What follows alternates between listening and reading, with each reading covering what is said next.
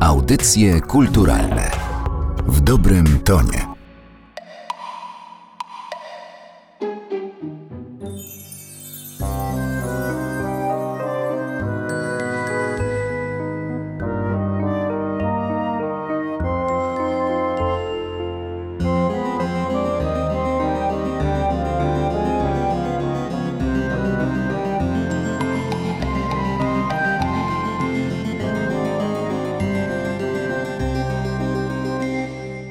Przy mikrofonie Katarzyna Oklińska. Dzień dobry Państwu. Pandemia spowodowała, że instytucje kultury są zamknięte, ale nie wszystkie przestały pracować.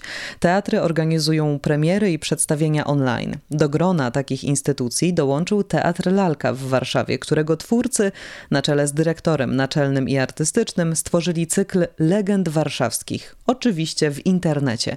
Naszym gościem jest dzisiaj wspomniany dyrektor, a także reżyser cyklu bajek Jarosław Kilian. Dzień dobry. Dzień dobry, dzień dobry Pani, dzień dobry Państwu. Na wstępie trzeba byłoby zacząć od podziękowań, bo to, że udało nam się zrealizować to przedsięwzięcie w sieci, zawdzięczamy Narodowemu Centrum Kultury między innymi i programowi ministra kultury zatytułowanego Kultura w sieci. No i się głowiliśmy, co to jest właściwie taka kultura w sieci, bo to jest nowe wyzwanie i cały kłopot myślę, że wszystkich nas, którzy musieli się zmierzyć z tym medium, polegał na tym, żeby znaleźć adekwatny sposób do opowiedzenia tego właśnie w tym medium, którym jest internet. Bo to nie jest ani film, to nie jest telewizja, to jest zupełnie inna percepcja, trzeba się liczyć zupełnie inną percepcję widza, który być może i w tej chwili słucha nas przez laptop czy komputer stacjonarny.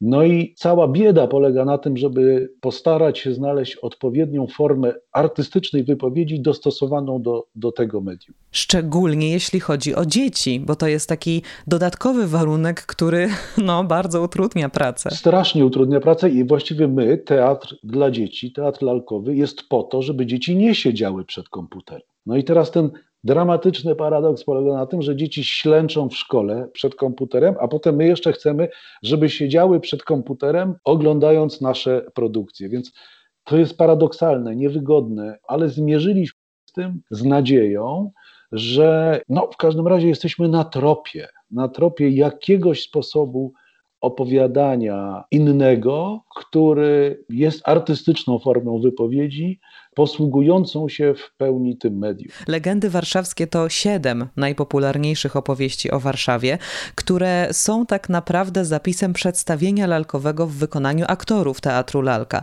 Są wśród nich opowieści o Syrence, o Bazyliszku czy o Złotej Kaczce. Warto wspomnieć, że cykl został zrealizowany ze środków Narodowego Centrum Kultury w ramach programu Kultura w sieci, o czym pan już powiedział.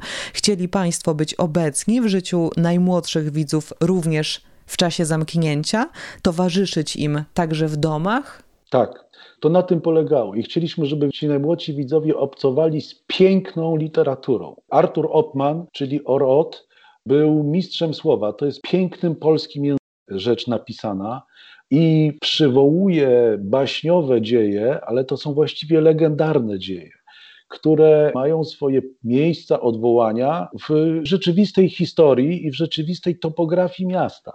I do tego chcieliśmy się odwołać, bo potem można iść na spacer i sprawdzić, czy to, czy to działa, czy Wisła jest tam, gdzie być powinna, czy Kościół Najświętszej Marii Panny rzeczywiście stoi nad Wisłą, czy Biała Dama nad zamkiem się ukazuje i gdzie łazili zbójcy po Warszawie.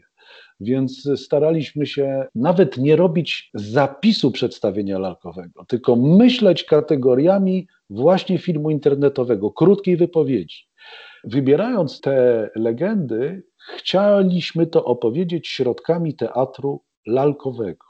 Ale jednocześnie do tych legend dołączone są warsztaty, bo cały pomysł polega na tym, że te rzeczy, te legendy opowiadamy przy pomocy przedmiotów codziennego użytku. I otóż proszę sobie wyobrazić, że Złota Kaczka, bohaterem jest warszawski szewczyk i ona się dzieje w warsztacie szewskim. I oto buty zamieniają się w lalki, prawidła w konie, Młotek szewski i kowadełko w różnych sytuacjach znaczy co innego. Szydła i dratwa znaczy co innego. Bazyliszka opowiedzieliśmy przy pomocy sprzętu żelaznego, bo to się dzieje w warsztacie płatnerza.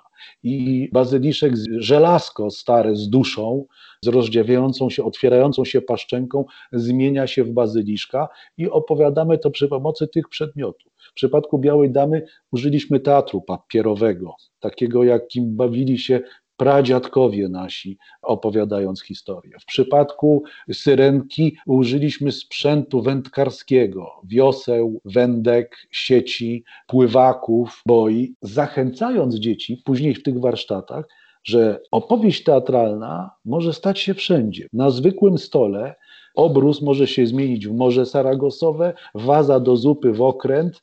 To jest istota teatru lalkowego, istota siły wyobraźni dziecka, które zamienia zwykłe przedmioty w cudowne i nadprzyrodzone postacie, których można historię opowiadać. Właśnie, to zwykle do dzieci należy ta rola wymyślania, kreowania takich sytuacji. To dzieci, tak się mówi, mają największą, najbardziej rozbujałą wyobraźnię. Więc pana rola reżysera i wszystkich twórców e, tego cyklu była chyba niemała. Staraliśmy odkryć w sobie dziecko.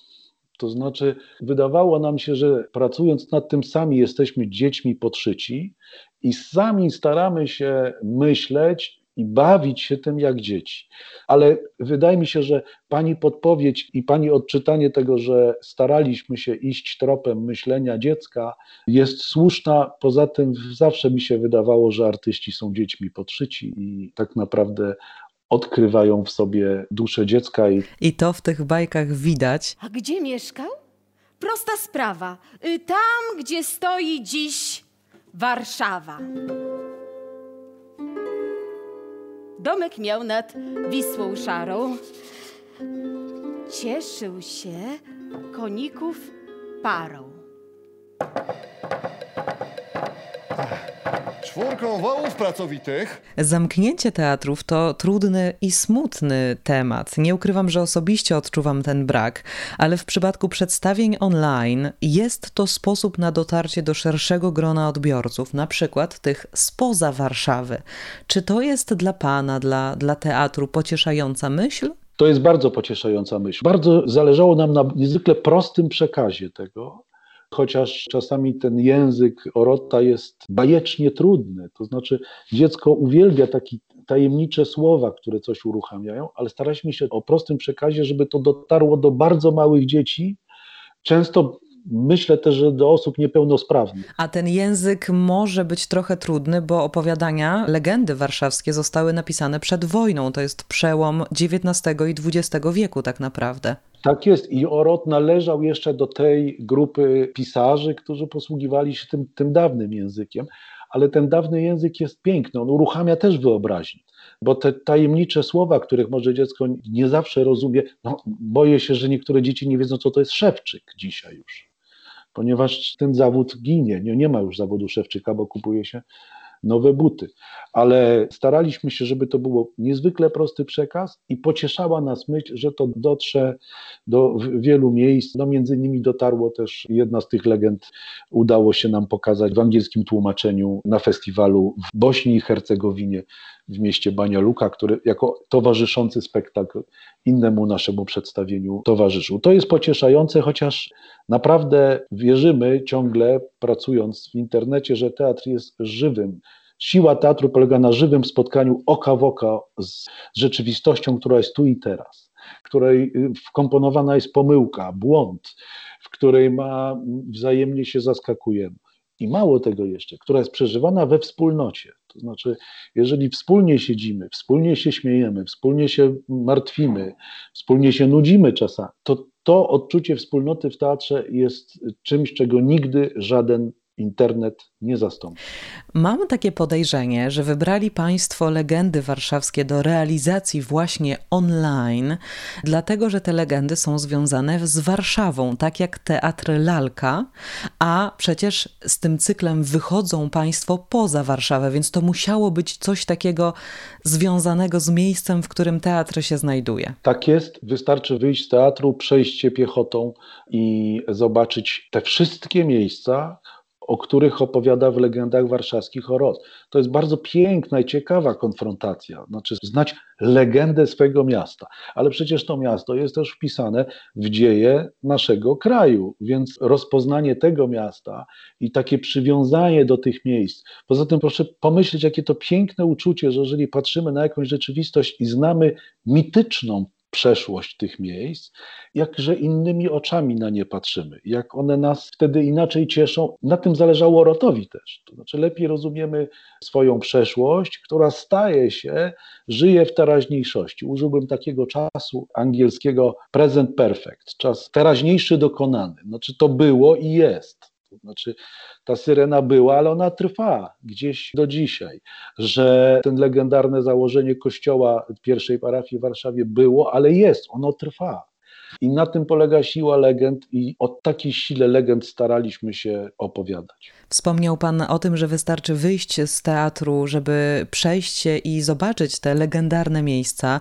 Należy więc dodać, że siedziba Teatru Lalka mieści się w Pałacu Kultury i Nauki, miejscu już niekoniecznie związanym z czasami Artura Opmana, ale też legendarnym na swój sposób. Jeżeli się bliżej przypatrzymy wejściu do Teatru Lalka, do Pałacu Kultury, tam jest taka tablica z brązu, a na tej tablicy jest napisane, i udało się to znaleźć, że dokładnie w tym miejscu, przy ulicy Siennej przed wojną i w czasie wojny, mieścił się dom sierot Janusza Korczaka. I z tego miejsca Korczak wyszedł z dziećmi na Umszlak-Plac swoją ostatnią podróż do Treblinki.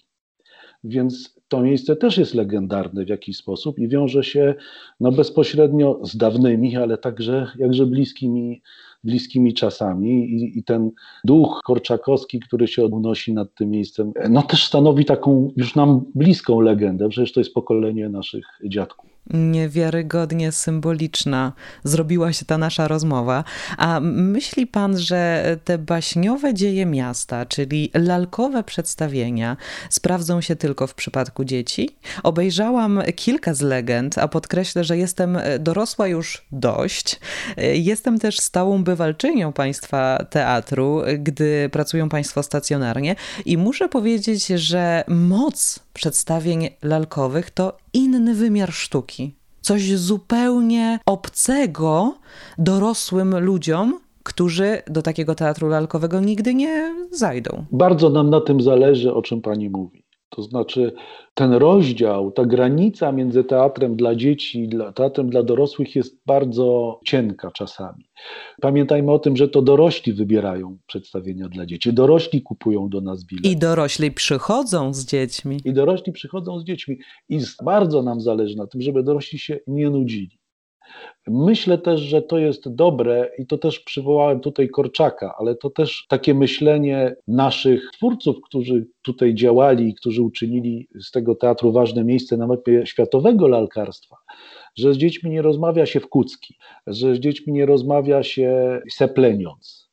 Z dziećmi trzeba rozmawiać poważnie, tak jakby się rozmawiało, zachowując granice tematów, możliwych do poruszenia, zachowując ich wrażliwość, ale trzeba rozmawiać poważnie. To znaczy, wydaje nam się i bardzo nam na tym zależy, żeby ta umowna, poważna, prosta czasami w przekazie rozmowa była na tyle prawdziwa, że i dorosły uczestniczy w niej, no i po prostu się nie nudzi oglądając to, co staramy się opowiadać najmłodszym widzom. I niech tak pozostanie.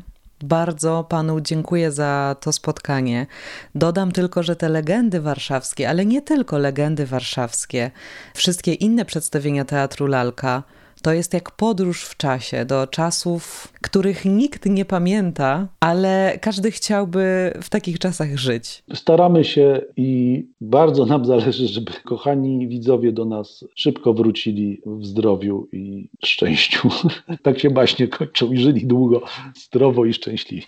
I tego Państwu i sobie życzę. Bardzo dziękuję za to spotkanie. Naszym gościem był dzisiaj reżyser cyklu Legend Warszawskich, a także dyrektor naczelny i artystyczny Teatru Lalka w Warszawie Jarosław Kilian. Bardzo Pani dziękuję za rozmowę. Dziękuję Państwu. Zapraszamy do nas.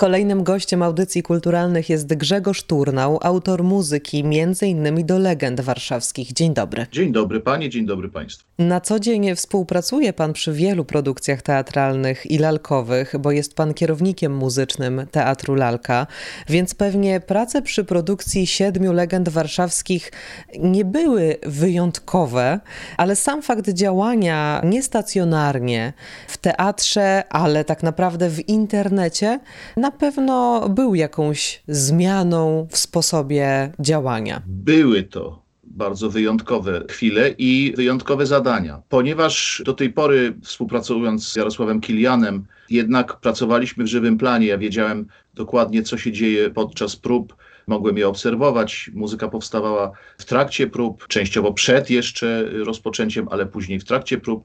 Tutaj miałem do czynienia z gotowym materiałem, który musiał być przygotowany i zrealizowany w formie wizualnej i zmontowany, zanim przystąpiłem tak naprawdę do jego ilustracji. Więc bardziej przypominało to pracę przy filmie niż pracę w teatrze co dało mi też jakieś doświadczenia. Pracowałem w filmie wielokrotnie, ale tutaj miałem raczej do czynienia z teatrem telewizji, z czymś, co, co wymagało bardzo delikatnej interwencji i dopasowania się do tego, co już zostało zrealizowane, ale chociażby w przypadku kościoła Marii Panny uruchomiło możliwość tworzenia muzyki pod dyktando rytmów już zarejestrowanych przez aktorów, co było dla mnie i wyzwaniem, i bardzo ciekawym doświadczeniem. Więc to było bardzo wyjątkowe i cieszę się, że mimo całej opresyjności i wszystkich dolegliwości związanych z tym, co nas otacza, również ta nietypowa sytuacja stwarza okazję do pewnego nowego spojrzenia i nowego wysiłku twórczego, po prostu trochę innego warsztatu. Ale tworzenie muzyki dla takiego przedstawienia jest wyjątkowe jeszcze z innego powodu, mianowicie to przedstawienie lalkowe. Wydaje mi się, że w takich przedstawieniach z użyciem lalek, ta muzyka jest ważniejsza niż w innego rodzaju przedstawieniach, bo ciszy jest więcej, więcej emocji pokazywanych ruchem lalek, i ta muzyka staje się pełnoprawnym bohaterem przedstawienia. Staramy się z Jarosławem Kilianem od 20 ponad lat, bo tyle już trwa nasza współpraca, żeby nigdy nie było inaczej, żeby wszystkie elementy przedstawienia były nie tylko na swoim miejscu, ale też współgrały ze sobą. Jak wiadomo, w teatrze każdym, także tym dla dorosłych, często myślimy o teatrze lalkowym jako o teatrze dla dzieci. Ja się z tym nie do końca zgadzam. Wydaje mi się, że marionetka i teatr lalkowy, czy teatr marionetek jest niesłychanie inspirujący i ciekawy w przenoszeniu uniwersalnych myśli, uniwersalnych emocji, uniwersalnych pytań niezależnych od wieku. Więc tutaj z całą pewnością muzyka jest szalenie ważna, ale w każdym teatrze muzyka jest ważna. Ona po prostu musi spełniać swoją funkcję. W teatrze muzyką jest najdrobniejszy szelest ptasich skrzydeł, czy odgłos, brzęknięcie, cokolwiek, to już jest muzyka w teatrze. Nie tylko frazy zapisane w taktach. Dobrze płacił cudzoziemiec. Thank you. Anglik? Merci. Francuz? Dog. Szwed? Danke. I Niemiec. Za tę mąkę życiodajną, taką smaczną, choć zwyczajną. Ale ponieważ Jarosław Kilian sam ma ogromną wiedzę muzyczną i ogromnie lubi piosenki, muzykę w swoich przedstawieniach, to ja się śmieję, że on właściwie zawsze, choćby robił zwykłe przedstawienie, to robi mini operę. I często mnie zaskakuje ilością zamówień muzycznych do swoich przedstawień i z tego się robią takie po prostu śpiewogry często. Przypadku legend warszawskich tak być nie mogło, dlatego że tutaj jakby ta piosenkowość, nie było szansy jej zrealizować, żeby jakby wzbogacić jeszcze tekst każdej z baśni, z legend o piosenki. Natomiast dopisałem taką piosenkę ogólną, która rozpoczyna i kończy każdy odcinek, która zachęca małych widzów czy też słuchaczy do po prostu sięgnięcia po dobrą, starą literaturę Artura Opmana i zanurzenie się w takim świecie właśnie trochę nierealnym. Ja sam, muszę powiedzieć, pamiętam doskonale z dzieciństwa Złotą Kaczkę, na płycie i pamiętam doskonale i Złotą Kaczkę, i Bazyliszka, jak byłem takim maluchem i puszczałem sobie właśnie na adapterze baśnie. Więc dla mnie to nie była wycieczka w nieznane. Dla mnie to był powrót do, do literatury, którą, którą już miałem na twardym dysku gdzieś z tyłu zapisaną. Czyli mimo, że nie widział pan finału prac aktorów i musiał pan stworzyć muzykę do czegoś, co tak naprawdę jeszcze nie powstało, to te opowieści już w pana głowie były i żyły, co, co pomagało w pracy. Już ustaliliśmy, że teatr lalkowy nie tylko jest dla dzieci, ale także dla dorosłych i ja potwierdzam ten fakt. To jest po prostu teatr familijny. Jeżeli jest dobrze zrobiony, jeżeli jest uczciwy, i poważnie, jak to u Kiliana zawsze, pięknie opracowany plastycznie, to jest to absolutnie teatr dla ludzi w każdym wieku. Przyznaję się, że czasem nawet bez towarzystwa dzieci zaglądam do teatru Lalka, co wydaje mi się jest dowodem na to, że dla dorosłych ten teatr również jest, ale musimy powiedzieć, jaka powinna być muzyka do przedstawień lalkowych, bo jest to coś wyjątkowego, coś innego. Ja się staram kierować dwiema rzeczami. W przypadku pisania muzyki do teatru, w którym dominują lalki, bo trzeba też pamiętać, że mamy często do czynienia z teatrem żywego planu, w sensie aktora, który animuje lalkę, ale ten aktor nie jest ukryty, tak jak w przypadku legend. Pomysłem Jarka Kiliana było to, żeby wszystkie postacie, wszyscy bohaterowie legend byli uruchamiani, byli powstawali z przedmiotów codziennego użytku żeby to był rodzaj teatru domowego, gdzie właściwie każdy teoretycznie mógłby takie lalki sobie zrobić, czy to z jakiejś tam z sitka, czy z patelni, czy z worka mąki. I ta umowność, czyli to, co w wierszu pani Kulmowej, kiedyś ten wiersz odkryłem dawno temu i on mi się tak spodobał, zrobiłem z tego piosenkę Księżyc w misce, czyli ta drabina to schody do nieba, a ta miska nad schodami to księżyc, tam ten miecz to zwyczajny pogrzebacz, a z garnków są hełmy rycerzy. Dokładnie ten typ umowności, której ona mówi, a to właśnie jest teatr, wymaga też takiej umowności muzycznej. Nie możemy sobie tu pozwolić na jakieś inspiracji symfonicznych, czy jakieś wycieczki w rejony faktur instrumentalnych, które w ogóle nie mają nic wspólnego. To musi być rzeczywistość też umowna, muzycznie. Więc nie wiem, ja polegam na tych dwóch rzeczach, na intuicji Jarka Kiliana, a druga rzecz to jest po prostu taka zwyczajna, mam nadzieję jeszcze istniejąca w mojej głowie dziecięca intuicja i tyle, a reszta jest, jest po prostu rodzajem warsztatu, na którym trzeba to wyprodukować. Ale jest jeszcze jedna trudność. W tym przypadku mamy siedem bajek, do których trzeba było stworzyć muzykę różną od siebie, ale jednocześnie podobną, bo musiało to tworzyć jakąś jedną spójną całość i to się udało. Tak bywa w przypadku wszystkich cyklicznych utworów. Suite to jest rodzaj suity baśniowej, więc tak, no tak. No, przede wszystkim chodziło o ograniczenie faktury instrumentalnej. Chodziło o to, żeby one nie brzmiały od sasa do lasa, bo też i wszystko to, co jest w warstwie wizualnej i to, co jest u Orota, jest w jakimś sensie spójne i ma swoją fakturę. Więc tu nie można było robić rzeczy zbyt eklektycznych, zbyt wydumanych. Nie można było mieć zbyt wielu pomysłów. Trzeba było się właśnie tym arsenałem arsenałem, tak jak to widzimy, przedmiotów domowego użytku, tak samo dźwięków domowego użytku, trzeba się tym było posługiwać. Na koniec mam jeszcze jedno pytanie. Która opowieść, która legenda jest Pana ulubioną? To jest pytanie z gatunku, kogo kochasz bardziej, mamusie czy tatusia? O nie, nie chciałam tego Panu robić. Może odpowiem inaczej, jeżeli pani mi pozwoli. Ja jestem pół krakowianinem, pół warszawianinem, tak bym to powiedział. Moja mama urodziła się 10 września 1939 roku w Warszawie. Tam przeżyła okupację jako dziecko, potem po wojnie, gdzie wszystko oczywiście stracili w powstaniu, przez Dolny Śląsk wróciła na studia do Warszawy i dopiero później, jak poznała mojego tatę, zamieszkała w Krakowie. Więc ja jestem z mamy czystym warszawiakiem. Ze strony ojca jestem Galicja, te rejony bliższe Lwowowi i Krakowowi.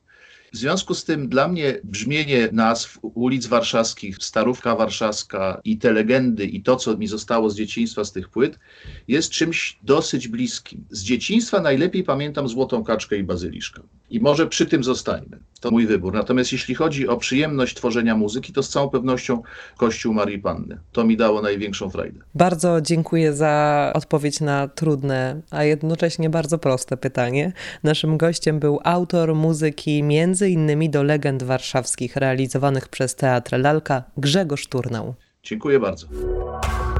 Audycje kulturalne w dobrym tonie.